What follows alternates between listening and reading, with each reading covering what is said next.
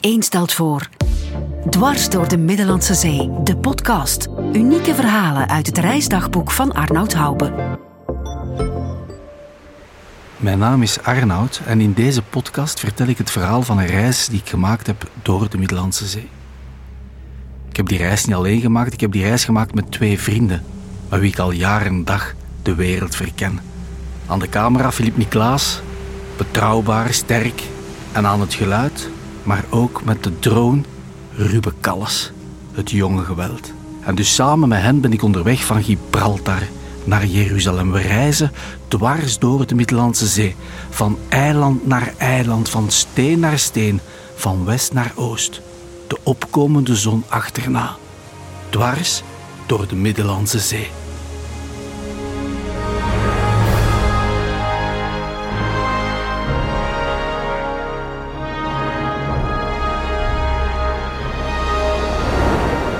Deze aflevering laten we Corsica achter ons en trekken we naar Sardinië.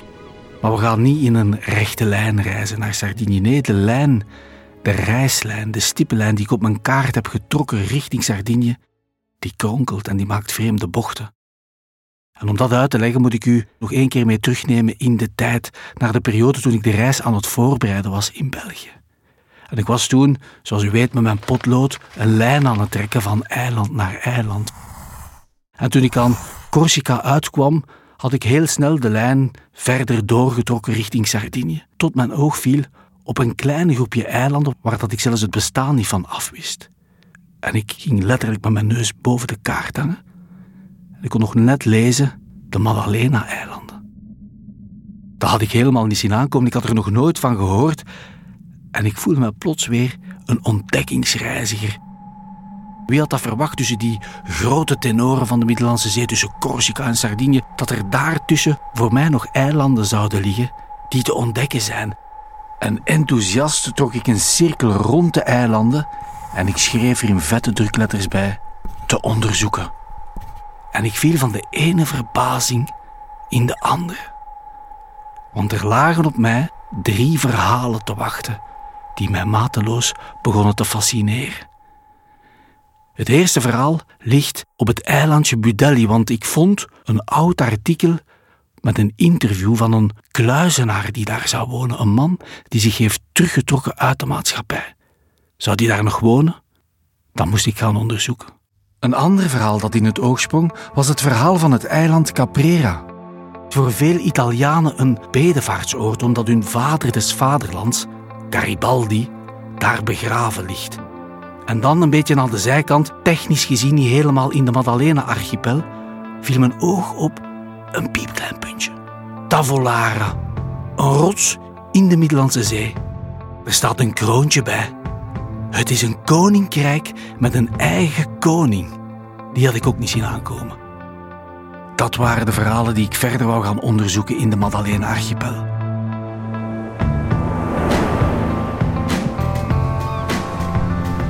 En we keren terug naar de Middellandse Zee. Naar de reis die we aan het maken zijn. En Ruben, Filip en ik zijn opgestapt op een Zodiac. En we varen weg van Corsica. We kijken nog één keer achter ons.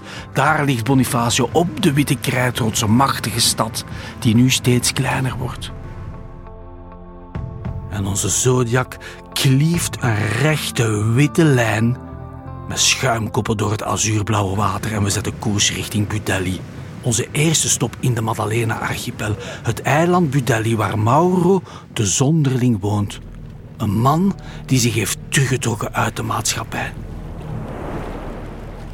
De Zodiac vertraagt, we pakken de kaart erbij en samen met de kapitein zetten we nu de koers uit naar Budelli. Daar ligt het. En we kiezen een baai uit waar dat we denken dat het gemakkelijkste is om aan te meren. De kapitein gooit zijn anker uit Filip springt eerst. Zoals altijd, de landmacht. En hij springt tot aan zijn middel in de zee met zijn camera hoog boven zijn hoofd gehouden. En voorzichtig stapt hij naar het strand. En dan is het ook aan mij, aan Ruben. Wat een avontuurlijke manier om op een eiland aan te komen. Geen steiger, nee, gewoon uit een boot springen. Wauw, dat dit nog kan in de Middellandse Zee. Spoel hier eens aan, joh. Dat is toch niet meer van deze tijd?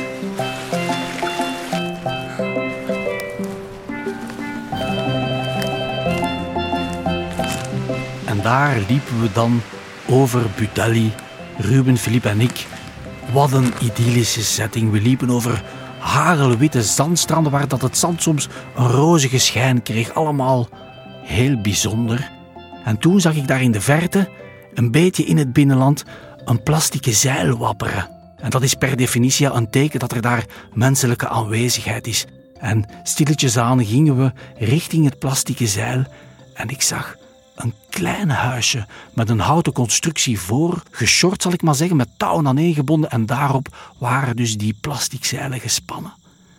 En ik zag in een hoekje een man zitten op een plastieke stoel, een man die ons op dit moment nog niet gezien heeft en die kan hem gadeslaan. Wat een karakterkop. Verweerd door de zon diepe groeven, grijs haar, donkere priemende ogen. Dat is het moment dat ik hem moet roepen. Hallo? Hey. Ciao. Vous êtes Mauro? Sì. Ah, bonjour, monsieur. Piacere, Mauro. Piacere, Arnoud. Arnoud. Buongiorno. Ik denk dat Mauro misschien wel een beetje verschoten was om daar plots ja, die drie mannen te zien staan. Maar hij herpakt zich al snel en dat had ik misschien toch niet moeten doen, hem Robinson noemen. No, che Dove Robinson? No, c'est pas vrai, c'est pas vrai. No. Moi, je ne suis pas Robinson. Robinson, il désire retourner à la civilté. Moi, non. Ik ben Robinson niet. Robinson die wou terug naar de wereld en ik wil weg van de wereld blijven. Ik ben hier thuis. Jullie zijn bij mij thuis. En je voelt dus nog altijd in heel die ontmoeting dat er een soort spanning hangt. En dat is het moment dat ik mijn geheime wapen kan bovenhalen om de zonderling gunstig te stemmen waren we op Corsica eerst nog flink wat boodschappen gaan doen. We waren naar de Carrefour geweest. Twee grote zakken hadden we volgeladen met de beste pâtés, met een paar flessen wijn, met boter, met eieren, met augurken, met een fantastische mediterrane picknick. En ik duw die met een vriendelijke beweging in Mauro's armen en ik zie hem denken. En dan zie ik hem kijken in de zak. En op Mauro's gezicht verschijnt een big smile. Yes.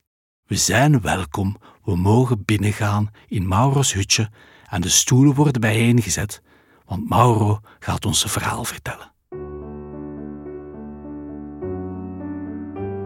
God is ondertussen al meer dan 30 jaar geleden dat ik hier aanspoelde op Budelli.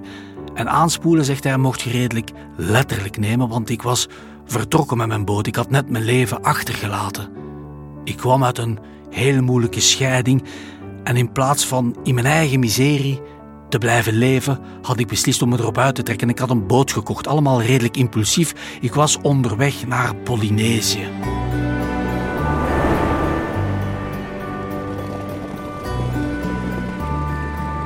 Ik kreeg droogte hier van de archipel problemen met mijn boot en ik ben beland op Budelli.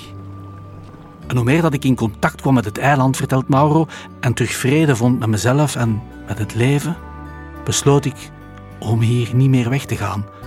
Polynesië is niet meer mijn eindstation, maar Budelli is mijn nieuwe thuis. En je ziet, ja, hier stond een oude legerhut, een oud kleine bunker, die heb ik eigenlijk helemaal verbouwd tot Villa Mauro. En kom maar eens kijken en dan neemt me mee in en rond zijn huis. Dat is de technische cel. Dai regolatori vanno alle batterie, caricano le batterie e dalle batterie vanno in casa. Ik val van de ene verbazing in de andere, want met een aantal batterijen heeft Mauro een eigen elektriciteitssysteem ontwikkeld. Hoe dat die draden lopen, ik denk dat er geen enkele elektricien uit de moderne wereld hieraan uit kan, maar de batterijen staan in verbinding met lampen in het huis en met zonnepanelen op het dak en die lopen dan ook nog eens door naar het terras. Een wirwar van draden, maar die wonderwel werken. En dat is voldoende op dit eiland. Als het werkt, kun je hier overleven. Mauro straalt. Ik voel me goed bij Mauro en we gaan terug op zijn terras zitten in de schaduw, want ondertussen staat de zon hoog boven het eiland en het wordt bloedheet. De basje wapperen wat en Mauro vertelt verder en ik hang aan zijn lippen. Nu in 1994, vertelt Mauro, is het toch even spannend voor mij geworden hier op het eiland, want dat was het jaar dat de Italiaanse overheid de archipel uitriep tot een natuurgebied.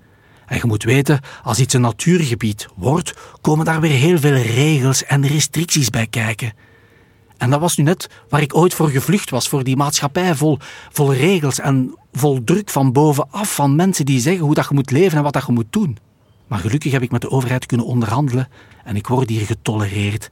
En meer zelfs, ik krijg een klein loon omdat ik hier ja ben ingeschreven ondertussen als parkwachter die een oogje in het zeil houdt op Butelli. Gelukkiger kan ik niet zijn en ik breng een toast uit en ik zeg op Mauro, op het vrije leven, tot ik plots een ping hoor. Een bericht.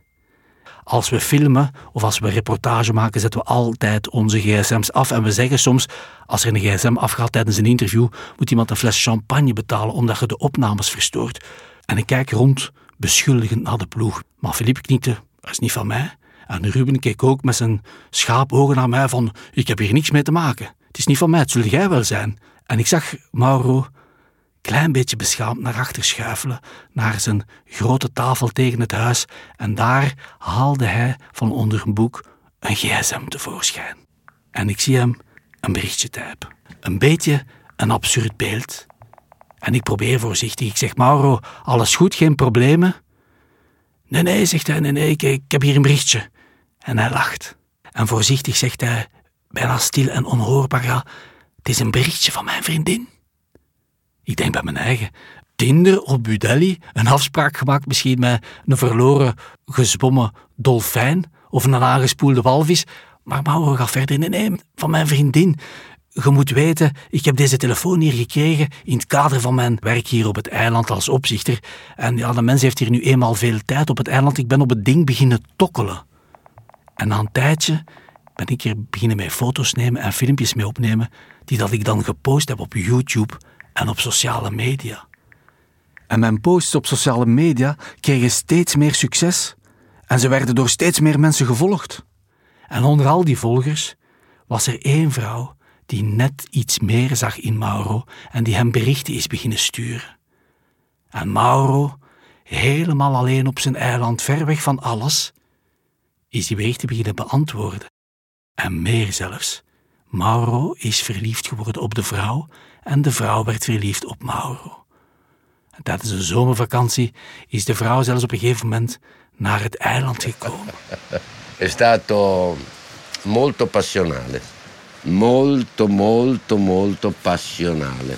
Wat er dan is gebeurd, vertelt Mauro, ja, dat is passie in het kwadraat, want ik had tientallen jaren geen vrouw gezien, laat staan aangeraakt, en om haar dan, na al die berichten en al die messages, in levende lijven te zien en te kunnen vastpakken, dat was, dat was vuurwerk in mijn leven. Amore, amore, amore op Budali.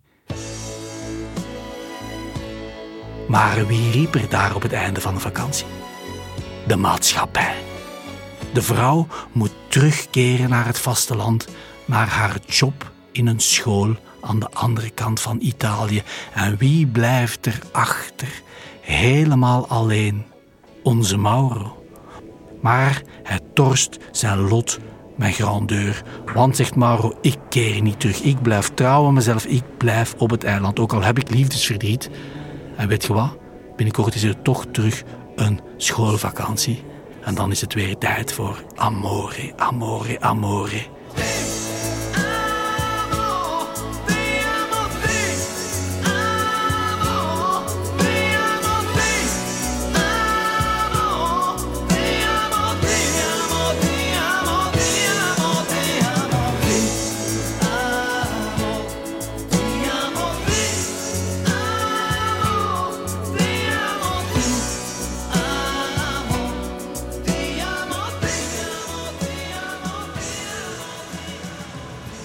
Is het moment waarop dat we afscheid nemen.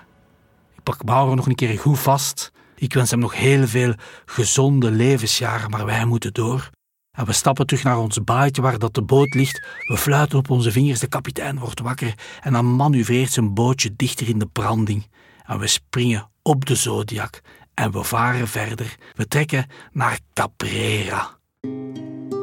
Een ander eiland in de Maddalena-archipel maar het is heilige grond voor veel Italianen. Veel Italianen willen er ooit in hun leven zijn geweest om eer te betonen aan hun vader des vaderlands, aan Giuseppe Garibaldi. Giuseppe Garibaldi was de man die in de 19e eeuw erin slaagde om van Italië één land te maken. Je moet je voorstellen, in de jaren daarvoor was Italië één grote lappendeken van verschillende landen.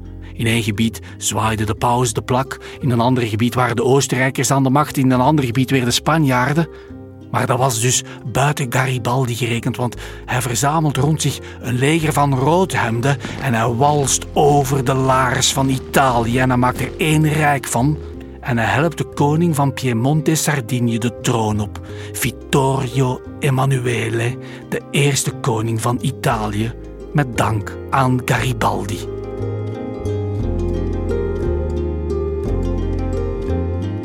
En daarvoor wordt hij tot op de dag van vandaag vereerd en herdacht op Caprera. En daar zijn we naar onderweg met onze boot. We klieven door de golven.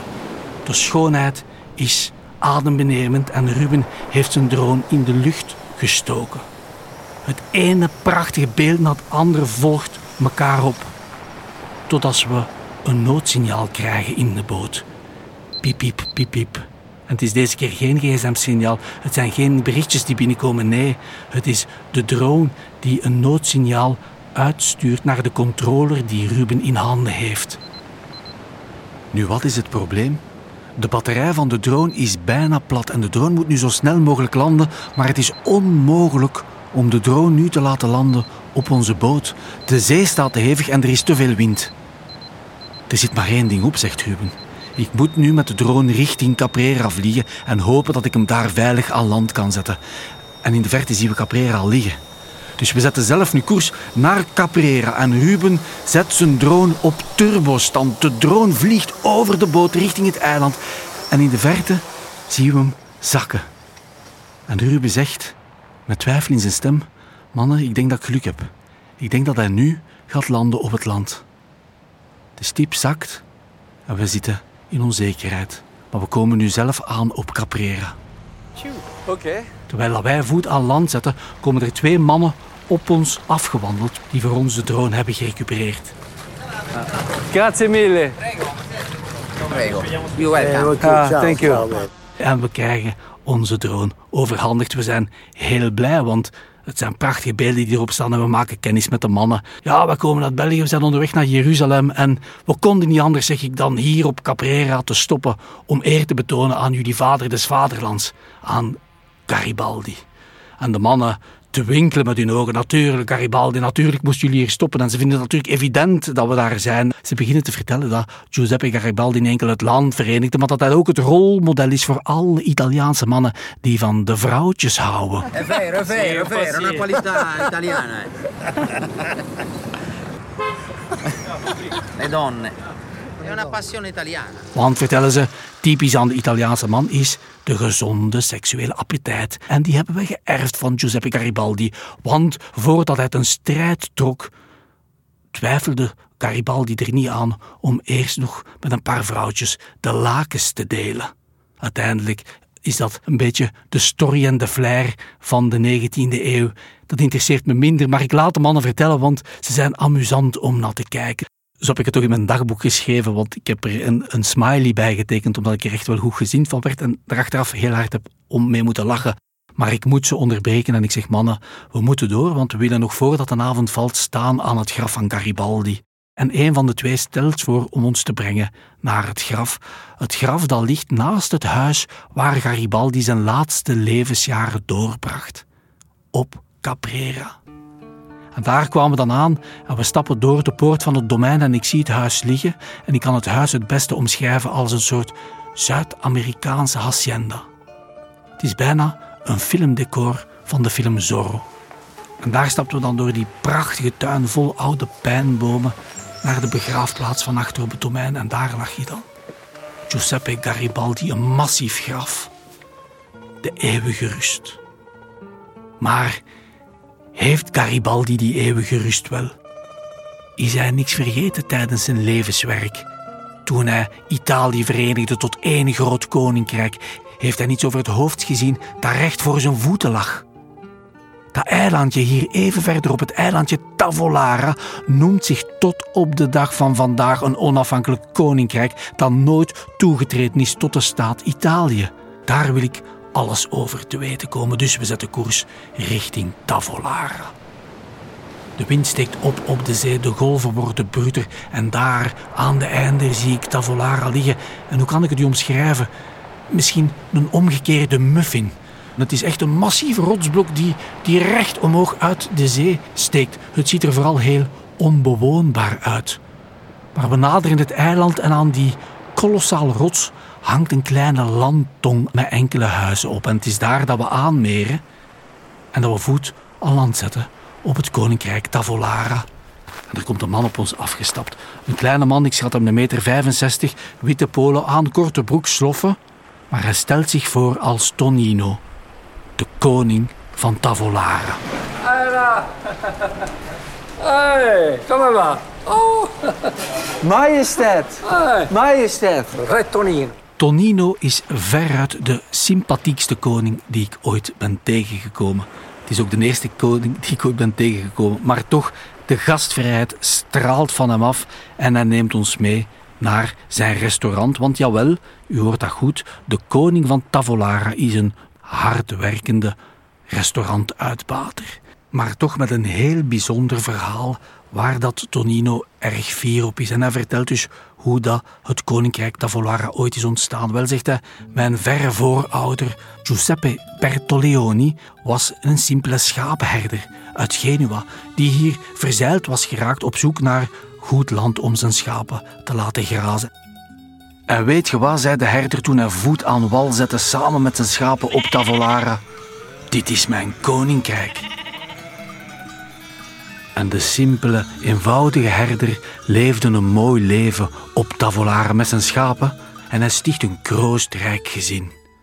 Pijs en vree op Tavolara, tot er aan de einde plots een boot opduikt, een chique boot. Het is de echte koning, de koning van Piemonte Sardinië, die op weg is naar het eiland, want hij is op zoek naar een uitdagend jachtterrein. En dat denkt hij te vinden op Tavolara. En de echte koning zet voet op het eiland en niet veel later staat hij oog in oog met de herder. Bienvenute, bienvenute, eh, koning, zei de herder. Bienvenute op mijn eiland. En hij maakt een diepe reverence.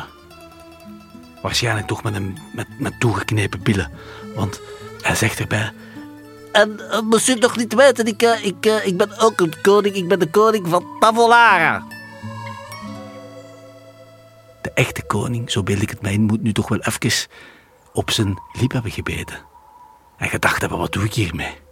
Wie is die man die zich hier voorstelt als, als koning? Maar de echte koning geeft het nog een kans, want hij heeft verschrikkelijk veel zin om te gaan jagen. Ik, uh, ik zou graag uh, jagen op dit eiland, is dat mogelijk? Maar natuurlijk, maar natuurlijk, dit is een fantastische... Zolang dat u mijn schapen niet afschiet, mag u jagen, koning. Koning beleeft een fantastische jachtpartij. En op het einde van de dag zal Giuseppe Bertoleoni waarschijnlijk wel een schaapje of een geitje hebben geslacht. En de twee mannen zitten broederlijk naast één rond het vuur. Zo beeld ik het me in. En zo komt het dat de echte koning zijn zegen geeft over het koninkrijkje Tavolara. En de afstammelingen van de herder Bertoleoni blijven zich koning noemen jaar na jaar, generaties lang, tot als wij nu naast Tonino staan. En wat is hij fier? Tonino neemt ons mee zijn restaurant in en toont ons een groot zwart-wit familieportret dat in het midden van de eetzaal hangt. Questo è mio nome, Sì?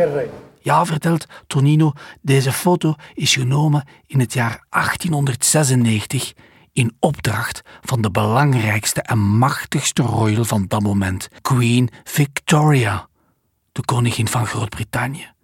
Die had een fotograaf op pad gestuurd om alle koninklijke families ter wereld te portretteren.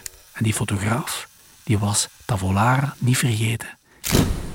Integendeel, hij maakt een prachtig portret van de familie Bertoleoni. En zo komt het dat de foto van een eenvoudige herdersfamilie met koninklijke titel tot op de dag van vandaag ophangt in Buckingham Palace. Wat een verhaal. De avond valt over Tavolara en de koning himself maakt voor ons het lekkerste avondmaal dat we tot dan toe gegeten hebben. Een pasta vongole. Ik voel mezelf als een koning als ik ga slapen die avond. En morgen trekken we naar Sardinië.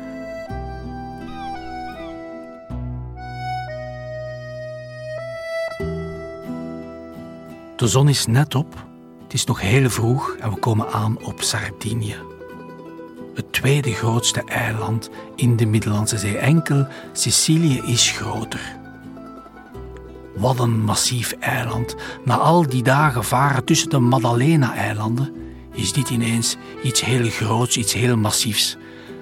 En ik had voor mezelf uitgemaakt om het eiland niet langs haar kustlijn te gaan verkennen, maar om diep naar het binnenland van Sardinië te trekken. Ik wou absoluut twee dorpjes bezoeken.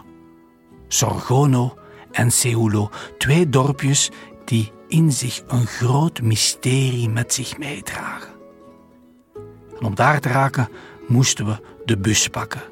De bus naar de streek die door de Romeinse keizer Cicero ook wel eens Barbaggio werd genoemd. Een streek die barbaars was, onherbergzaam, ver van alles. Mysterieus. En de bus kronkelt langs smalle bergwegen en we stappen uit in Sorgono. De mensen aan het busstation hadden ons direct herkend als toeristen. Ja, met die grote rugzakken en die camera. Ha, toeristen, toeristen. We werden verwelkomd. De mensen toonden ons direct de weg. Ah, jullie moeten een paar kilometer hier buiten het dorp zijn, want jullie komen uiteraard toch om onze wereldberoemde steencirkel te zien. Inderdaad, de steencirkel van Sorgono willen we zien. Een steencirkel van wel 5000 jaar oud. Prachtig.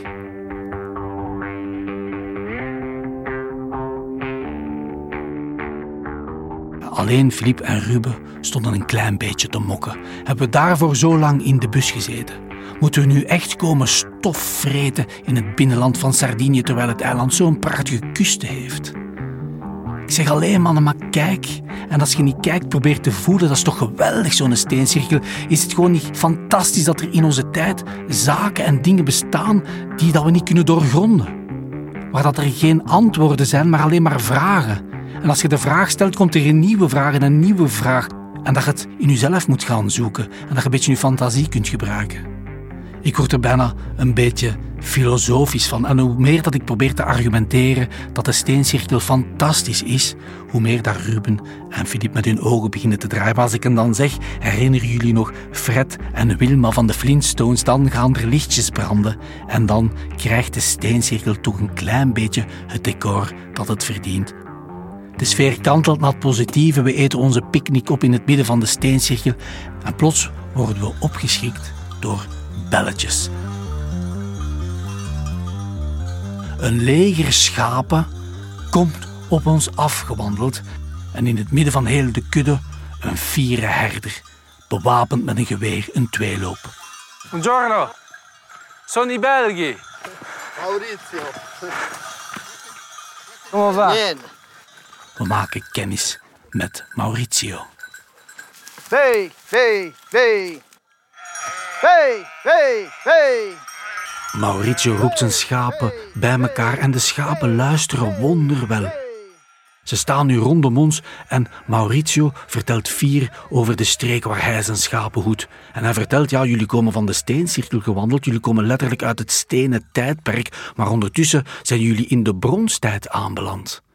Want kijk eens daar, en hij wijst naar een toren die niet veel verder staat. Dat is een toren die gebouwd werd door het Nurage-volk dat hier 3000 jaar geleden op het eiland wonen.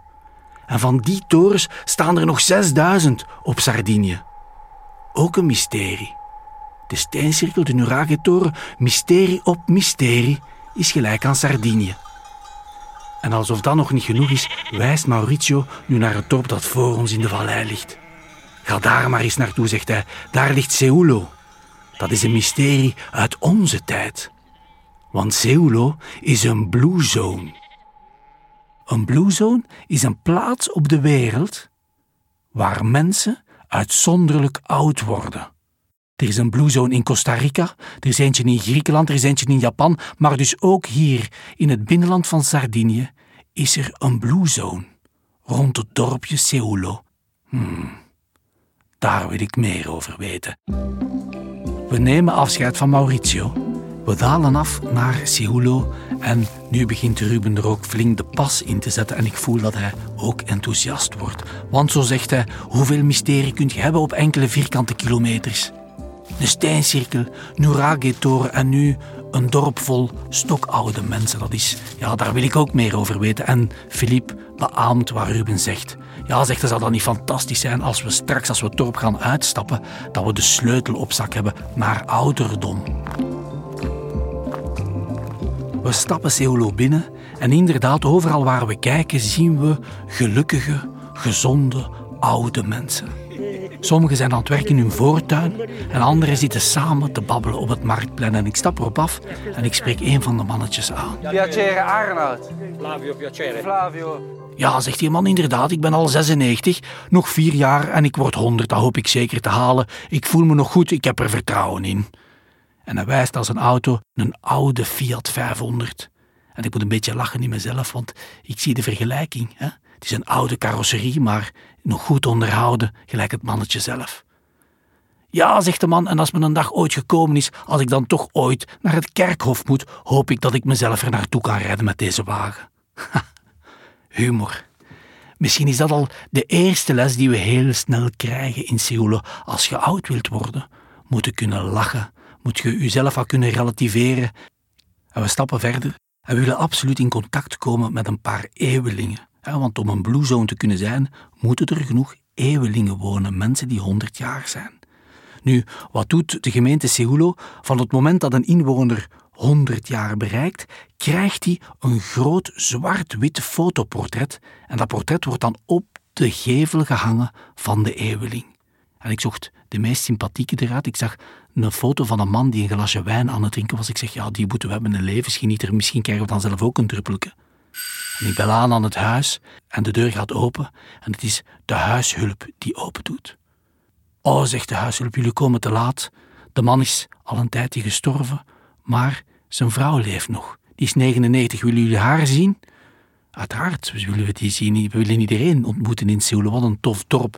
En we stappen het huisje binnen en we maken kennis met Catharina. Bezig, vol energie en wat een stem. Catharina klinkt gelijk een kathedraal. Buongiorno. Buongiorno, signora. Buongiorno. Buongiorno. Oh, zegt Catharina, ik ben blij dat ik jullie zie. Ik heb een geweldig leven gehad hier in Seoul. Zij aan zij met mijn man, maar sinds dat hij dood is, ben ik een beetje aan het aftellen. Di lasciarmi arrivare a 100 anni, così come sono. Over een paar maanden word ik 100. Dat wil ik absoluut nog halen. Maar daarna zegt ze: hoeft het voor mij niet meer, want ik heb afscheid genomen van mijn man. En kijk eens daar op die foto achter u. Dat was mijn dochter. Zij is maar 47 geworden en is gestorven na een lange en moeizame strijd tegen kanker. Dus voor mij rest er nu nog maar weinig, nog die enkele maanden, 100 worden. En zo zegt ze: dan is het voor mij goed geweest. Ja, zeg ik tegen Catharina, je moet de moed erin houden. Je hebt hier toch die fantastische huishoudshulp, die, die precies toch wel goed kan koken. Oh, maar zegt Catharina, dat is mijn huishoudhulp niet hoor. Dat, dat, dat doen wij niet in Seoul. Dat is mijn buurvrouw. En ook haar wil ik niet langer tot last zijn. De buurvrouw kijkt naar mij en ze knipoogt. Ik neem afscheid van Catharina en ik stap naar beneden. En op dat moment besef ik dat dat misschien wel die tweede sleutel is naar ouderdom. Sociale cohesie. Wij steken heel veel mensen in rusthuizen. We verstoppen ze een beetje uit de maatschappij, maar hier in Seulo blijven de mensen in hun huisjes wonen en zorgen de mensen voor elkaar. De buurvrouw van Catharina zorgt al jarenlang voor haar oude buurvrouw.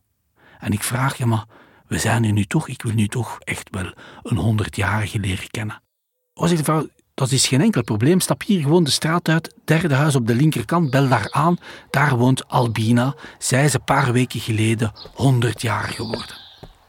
En zo komt het dus dat we aanbellen bij Albina en een hoogbejaarde vrouw doet open en ik wil haar al gelukkige verjaardag wensen, maar ik was fout, het was de dochter van Albina. En ze neemt me mee de woonkamer in en daar zit inderdaad een heel oud vrouwtje in de zetel. Albina. Ah, piacere. Piacere. Ah, Buongiorno. Sono Arnoud. Albina. Albine. Proficiat Albina, proficiat, bravissimo, bravissimo, u heeft het gehaald. En ik stap erop af, ik pak haar handen vast en ik probeer wat contact te zoeken, maar Albina kijkt me wat geschrokken en wat verrast aan. Ja, maar zegt ze, ik ben geen 100 jaar, ik ben 98 jaar. Eh, non li ho compiuti. Sì, che compiuti. Il 28 settembre li hai Wow, mama, je bent wel 100 jaar. De dochter schiet uit haar kammen en begint haar moeder de les te spellen. Maar mama, je bent vorig jaar nog 100 jaar geworden. We hebben hier een groot feest gedaan met taart en met, met iedereen erbij. Mama, je bent 100 jaar. Haha, zegt Albina. 98, hè? Ik ben 98 jaar. En u, van waar komt u? Ja, ineens sta ik daar dus in een kleine woordenwisseling tussen moeder en dochter die de leeftijd van de eeuweling bediscussiëren. Het is eigenlijk wel geestig om te volgen van, oh god, als je 100 jaar bent, steekt het misschien ook niet op een jaar. Ik pak Albina nog eens vast en ik wil haar een kus geven en Albina staat recht uit de zetel. En oh god, wat is ze frail, maar ook, wat is ze klein? Daar staat ze dan. Ik ben zeker dubbel zo groot als de eeuweling. Misschien is dat de derde sleutel. Misschien moeten mensen maar niet te groot worden, want als je groot bent, ja, dan moet je hart het bloed door al die leidingen naar al de uithoeken van dat lichaam pompen. Terwijl als je klein en compact bent, ja, dan, dan zet je misschien sterker. Misschien ligt daar ook het geheim in van de ouderdom. En als je dan nog eens die machinerie goed onderhoudt van dat kleine compacte lichaam en op tijd smeert met goede olijfolie, dan is de weg naar de eeuw misschien rap genomen. En zo fantaseren Philippe, Ruben en ik verder als we Seulo buiten stappen. Want we denken dat we toch hier en daar eens onder de sluier van het mysterie van Seulo hebben kunnen piepen. We checken in in een klein, sympathiek hotelletje met één groot voordeel. Het heeft een zwembad en we twijfelen niet. We springen in het zwembad en we wassen het stof van de dag van ons af. En we vieren het leven. Want of je nu oud wordt of niet, plezier hebben, dat kan nooit kwaad. Oh.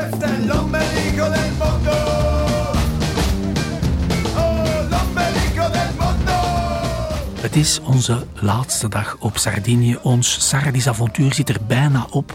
En we nemen vandaag de trein naar Cagliari, de hoofdstad van het eiland, helemaal in het zuiden. En de trein doorklieft de oude mijnstreek van Sardinië. De grond is hier rijk aan ijzer, aan tin, aan koper, aan kool. En ik wil absoluut een korte, maar voor mij belangrijke tussenstop maken. Ik wil absoluut de stad Carbonia zien. Carbonia, wat een naam, verwijzend naar kool. Een stad met een bizar verleden, want de stad is in een ijl tempo gebouwd in het jaar 1938. We keren terug naar het voorgeboorte van de Tweede Wereldoorlog. In Italië staat één sterke man recht. De fascistische leider Mussolini. En ook Mussolini ziet dat er zich donkere wolken samenpakken boven Europa. De oorlog nadert met rassenschreden en om die oorlog ooit te kunnen voeren heeft hij grondstoffen nodig. Kool. En van waar moet die kool komen? Die kool moet uit Sardinië komen. En vandaar dus dat vanuit het niks in een eiltempo een stad wordt opgebouwd. Een stad in een fascistische architectuur. Nu, de mensen die mij kennen weten dat ik veel programma's over de wereldoorlogen heb gemaakt. Ik wou het met mijn eigen ogen zien. En inderdaad, Carbonia, Carbonia, wat een naam. Fascistisch van vorm en van architectuur. Grote pleinen, strakke lijnen. De hand van de fascistische meester zelf, van Mussolini. Salutate e riduce il fondatore dell'impero. En daar sta ik dan op het plein. De zon staat hoog aan de hemel. De temperatuur is niet te houden. En een aantal mannen die een koffie aan het drinken zijn in de schaduw van het plein doen me teken. Kom, kom maar af, jongen. Je moet daar niet blijven staan. Zet aan je zot. We zetten de zonneslag. En ik maak kennis met de mannen van Carbonia. En een van hen is Dante, 92 jaar. Ja, zegt tante, ik ben hier helemaal niet geboren, maar ik ben hier wel getogen, want ik ben naar hier gekomen als de stad werd opgebouwd. En ik was erbij in 1938 toen Mussolini himself naar hier is gekomen om de stad in te huldigen. Ik was toen een jaar of tien en ik stond hier op het plein. U was erbij, zeg ik tegen tante. Ja, ik was erbij, 80 jaar geleden. Era il giorno mastodontica intendo dire talmente gremita. Het plein was volgelopen. Allemaal met mensen die in Carbonia hun geluk kwamen beproeven, want een nieuwe economie werd op gang getrokken. Hier was werk, hier was misschien toekomst. En Mussolini sprak ons toe. Wat een speech was dat. Onvergetelijk, onvoorstelbaar. Wat een kracht en wat een energie die man uitstraalde. La folla ha dovuto esplodere in quel momento. Esplosa con duce, duce, duce, duce. En iedereen werd opgezweept. Wij zullen kool derven. Kool, kool, kool. Carbonia, Carbonia, Carbonia. De rest is geschiedenis, want u weet wat er gaat gebeuren in de Tweede Wereldoorlog. En u weet ook wat er in de nasleep van de Tweede Wereldoorlog gebeurt met de mijnen in Europa. Het gaat nog even goed. En ook Carbonia zal nog even floreren. Maar dan in de jaren 60 gaat het onherroepelijk de slechte kant uit. Want over heel Europa, en dus ook op Sardinië, wordt de ene mijn na de andere gesloten. En werk maakt plaats voor werkloosheid. Rijkdom voor armoede. Vooruitzicht voor uitzichtloosheid.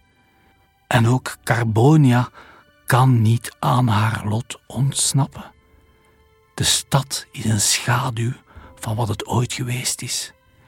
Een fascistische, lege doos zonder toekomst. Ik neem afscheid van de mannen op het plein. We stappen terug de trein in en we rijden verder naar Cagliari. Cagliari, de stad van de toekomst, al is het maar omdat mijn favoriete rode duivel daar speelt, Nainggolan, de man die o zo mooi kan voetballen. Laat ons daarmee eindigen. Follow, follow the sun. En we stappen door de straten van Cagliari. We verlaten de stad en we zoeken het meest zuidelijke puntje van het eiland. En daar kijken we over het water heen. Want in de verte, als je goed kijkt, ziet je Sicilië al liggen.